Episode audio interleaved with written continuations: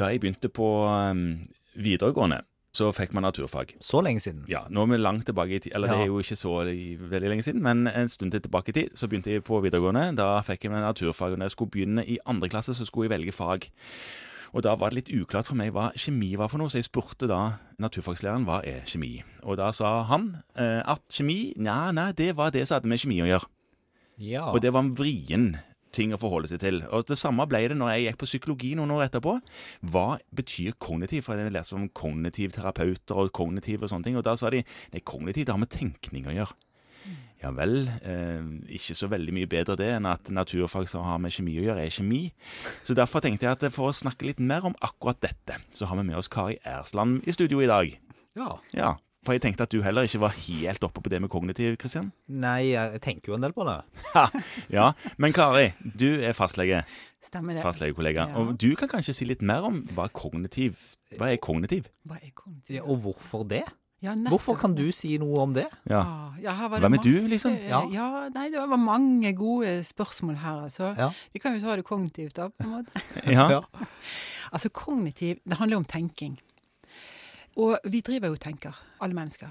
Og det er av og til eh, ganske bra og lurt, men av og til er det skikkelig problematisk. For det, vi driver og tror på det vi tenker. Vi gir tankene våre gyldighet, sannhet. Vi på en måte legger opp livet vårt etter disse tankene. Og det er ikke alltid like lurt. Nei. Eh, For dette med tanker, det er jo egentlig bare hendelser i sinnet. Nå tenker du at eh, folk tenker feil? Nei, det tenker jeg ikke. Nei. Nei, nei, nei. De tenker jo det de tenker. Ja. Og når vi snakker om kognitiv terapi, eller egentlig heter det kognitiv atferdsterapi, så er det en helhetlig måte å møte et menneske på. Menneskets eh, problemer og ressurser. Og hele utgangspunktet er egentlig hva dette mennesket tenker. Det er sannheten for det mennesket. Og så er det da hvordan vi møter de tankene som terapeut, sammen med denne personen. Der ligger det spennende. Mm. Det er det det handler om, egentlig. Og, og det holder man på med som eh, fastlege? Ja, man kan godt det. Hvis Ja. man lærer litt om dette. her. For det, dette er en eh, metode å møte ulike helseplager, egentlig både psykiske og fysiske helseplager på, som har lang tradisjon. Det er en veldokumentert, eh, gjennomforsket eh, metode som oppleves veldig håndfast, konkret og nyttig Ja. for de som lærer om det. Og vi snakker ofte om eh, hjelp til selvhjelp. Så dette, dette oppleves eh, veldig meningsfullt og nyttig. Men, men vi har jo alle som fastleger sånn skrapt innom dette i en sånn en rar psykiatritermin en eller annen gang for, for noen år siden. Er det noe sånn at man tar noen videreutdannelse? Sertifiserer man seg i dette her? Altså, hvis man vil, kan man jo gjøre det, men man trenger jo ikke det. Man kan ta noen kurs og lese seg opp og litt forskjellige ting som jeg kan fortelle litt om etter hvert. Men det må man jo eh, vurdere sjøl. Men det, det er veldig nyttig. altså. Det blir mye gøyere å være fastlege. I vår jobb så er vi jo veldig Folk kommer til oss med problemene sine, med livene sine. Ja. Og vi er sykt gode på støttesamtaler og container, alt det de kommer med. Og de kommer igjen og igjen og igjen. For veldig deilig det å komme til oss og fortelle om tingene sine. Ikke alltid at de blir så mye bedre, men det som er helt sikkert, er at vi blir ganske mye mer sliten. Mm. Og da er det utrolig eh, morsomt å lære noen metoder som gjør at vi istedenfor å være den som bare tar imot og container, på en måte stiller deg skulder til skulder ved pasienten og utforsker på en vennlig, ekte, nysgjerrig måte det pasienten tenker på. Og så, En del av dette handler jo om å lære eh, pasienten opp til sammenhenger da, mellom tanker og følelser. Helst mellom handling, tanker og følelser. Vi blander jo tanker og følelser. ikke sant? Fortell. Hva mener du med det? Vi sier sånn 'Å, jeg føler jeg får ikke til noen ting'. 'Jeg føler at nå blir det regn'. 'Jeg føler at ingen liker meg'. 'Jeg føler at nå stiger renta'. Det er ikke følelser, men det er tanker. Og de tankene, de er på en måte mat til følelsene. Mhm. Og, og det er jo det liksom litt morsomme, da, at disse tankene, de er de er ofte også eh, sjøldrevne, automatisk negative tanker som vi ikke nesten registrerer. Vi bare merker de, vi bare opplever en sånn ubehag, at de fyker gjennom hjernen vår. Så noe av det som er begynnelsen, er kanskje å eh, lære om forskjell på tanker og følelser, registrere egne tanker. Registrere hvordan vi eh, tror på egne tanker, hvordan vi møter våre egne tanker. Og også sammen med, gjerne med fastlegen sin, snakke litt om det. Altså, og da er jo hemmeligheten for oss fastleger, hvis folk kommer og så sier de å, jeg kommer aldri til å få jobben min tilbake. Det kommer aldri til å gå bra. Og så har jo vi veldig lyst til å si jo, men du er jo så flink, det har gått bra før, og det kommer sikkert til å gå veldig fint, dette her. Det er veldig naturlig for oss å si sånn. Ja da. Men i denne terapiformen så lærer vi å heller stille spørsmål. Altså, tro på det pasienten sier. Jeg hører det du sier, at du tror at du ikke kommer til å få jobben tilbake. Kan du fortelle meg litt mer om det? Hva legger du vekt på da, og hvordan er det du ser på det? Fortell meg om det. Altså, du er ekte nysgjerrig. Du, du tror på det pasienten faktisk sier der og da. Mhm. Og det er helt utrolig. Hvis man da klarer å lage noen spørsmål som er sånn åpne, vi kaller det sokratiske spørsmål. Hva betyr det?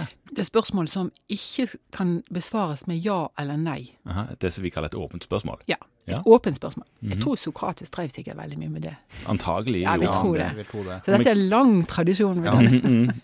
Og da er det helt utrolig morsomt hva som kommer fram. Hvis en klarer å Og det er kanskje aller første, eh, hvis en som fastlege har lyst til å lære noe om denne metoden. Det er bare reflekter litt over måten du spør på, hva du sier til pasienten når de kommer med tingene sine. Bare len deg tilbake og si du, dette må du fortelle mer om. Dette må du forklare meg litt. Beskriv det du mener med dette her. Men, men Kari, nå er vi jo i en fase der fastlegene er jo så slitne selv. Og Mm. mange av oss kunne vel kanskje gått til en kognitiv terapeut og, og tenkt litt mindre på at alt går på trynet. Med hele ordningen og hele pakken. Mm. tar ikke dette veldig mye tid? Nei, er det som er det kule, skjønner du. Dette tar mye mindre tid. Dette er veldig gøy. Og så blir du ikke sliten. Altså, du blir det, Du møter veldig ofte Eller jeg ble i hvert fall Når jeg studerte, så når jeg var ferdig å studere medisin, så hadde jeg en, en sånn oppfatning av at jeg som lege, folk hadde et problem, de kom til meg, jeg gjorde noe, og så var de bedre enn det gikk. Det er bare utrolig slitsomt, altså. Det blir jo ikke bedre noen gang, sant. Det er jo helt sånn er Altså, det å vite at det, jeg skal ikke fikse opp i alt for folk, men jeg skal være ekte nysgjerrig og utforske det som de tenker er sannheten om plagene sine. Så det er faktisk akkurat motsatt av eh, slitsomt. Ja.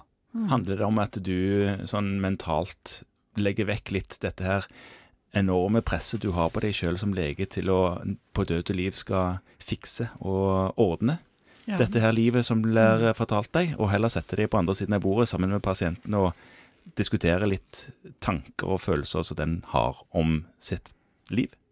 Ja, absolutt. Og så er det en eh, ting til. Det, det heter jo kognitiv atferdsterapi. Ja, Det er Så- noe bevegelse inni her. Ja, for det, det er omtrent hvis du skal løpe en halvmaraton. -huh. Du kan ikke bare treffe treneren en gang i uka, sitte og prate om hvordan du skal løpe. Du blir ikke noe flinkere av det.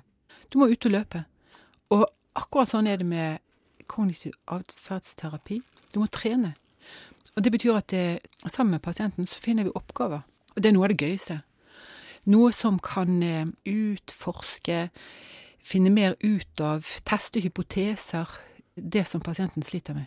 Er det faktisk sant så at hvis du går i et selskap, så er det sånn at alle ser på deg, og du eh, oppfører deg rart fordi at du eh, har en sosial fobi. Er det liksom sånn? Kan vi utforske det? Er det en hypotese vi kan se på? Eller for eksempel, er det sånn at du er så trøtt og sliten at du orker ingenting? Fins det muligheter for å teste ut det? Hva, hvis du kunne, hva ville du ha orket, eksempel? Mm. Sånne ting. Det er utrolig gøy. Ja, det, du, du, du, du sier det. Um, Og hvordan skal man ta del i denne gleden her, Kari? Hva, hva skal man Ja, er, er det noen kurs man kan melde seg på, eller er det noen kolleger, altså er det noen veiledningsordning for dette her? For det, altså, nå, nå vet vi jo at du er en klok dame, men alt dette har du ikke kommet på selv. Nei, det er helt sant. det er et par-tre ting jeg har lært. Ja. Og jeg gikk på et innføringskurs i kognitiv terapi for noen år siden i Oslo. Det er et kurs som er et samarbeid mellom Legeforeningen og Norsk kognitiv forening.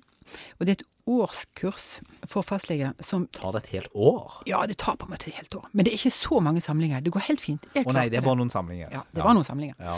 Men det, du starter i januar og er ferdig i november. ja.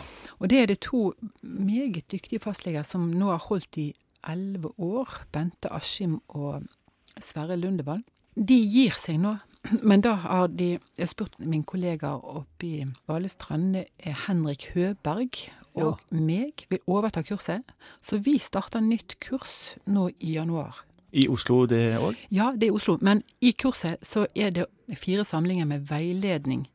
Og de veiledningene de vil vi legge lokalt så langt det lar seg gjøre. Det kommer vel an på hvem som melder seg på? Ja, Ja. men det, og det er ganske mange som melder seg på ennå. Vi ser nok at vi skal få til lokale veiledningsgrupper. Så hvis det er nok fra Bergen som melder seg på, så blir det en veiledningsgruppe i Bergen. Hvis det er nok fra Trondheim og Stavanger, så Absolutt. ja. Og kanskje om noen år at vi får til mer eh, eh, lokale kurs, sånn at vi kan ha kurs ikke bare i Oslo, men også på Vestland og i Trondheim f.eks. Det får vi se. Er de populære, disse kursene?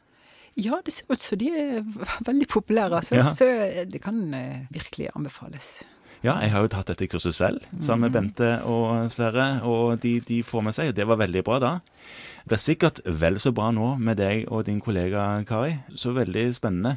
Ligger det ute i kurskatalogen, dette? Ja. Ja. Det skal være der, der nå. Ja. Så det er ganske mange som har meldt seg på allerede, men det er fortsatt ledige plasser. Så det er bare Liten reklame der. Um, hvordan, er det noe vi ikke har sagt nå, som du syns er viktig vi bør få med? Du, ja, det er to ting jeg tenkte. Det ene er nettsiden til Norsk eh, forening for kognitiv terapi, kognitiv.no. Ja. Der vil jeg anbefale alle å gå inn. Og så hvis en går inn på Meny der, og går bort til veiledet selvhjelp, Ja. eller det går tilbud til deg, står det også veiledet selvhjelp. Der ligger det masse gode dokumenter som man kan dele ut til pasientene sine, Ja. og lese sjøl. ja.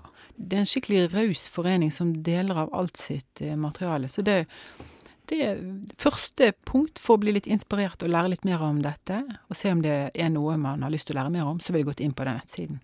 For meg så var jo det kurset et kjempeløft til de eh, samtalene med pasienter som jeg følte før bare sto og stampa. Mm. Sant? Jeg fikk litt verktøy. Jeg tror ikke jeg er blitt så veldig mye De er ikke blitt så veldig mye friskere, men jeg tror de har det gøyere, og jeg har det gøyere når de kommer til meg. Ja, er ikke Ja. det bra, da? Jo, det er jo kjempebra. Det er kjempebra. Mm. Enda mer du brenner inne med nå? Nei, bare tenkte helt til slutt. Altså, vi må jo tenke litt på oss sjøl òg, ikke sant. Og det å ta en sånn liten indre medarbeidersamtale, det kan vi godt gjøre. Hva mener du med det? Jo, for vi har jo sjøl våre indre tanker om oss sjøl, og måten vi snakker til oss sjøl på. Så vi kan godt eh, høre litt etter både innholdet, hva sier vi til oss sjøl, og også hvilket toneleie vi bruker når vi snakker til oss sjøl. Begynn der. Ja. Mm. Være litt mer snill med seg sjøl? Ja, Rett og slett? Absolutt. Ja. Absolutt. Greit. Ja, men Da har vi vel litt peiling på hva kognitiv er for noe. Det syns jeg. Jeg lærte etter hvert hva kjemi var òg. Det var det som ikke var fysikk.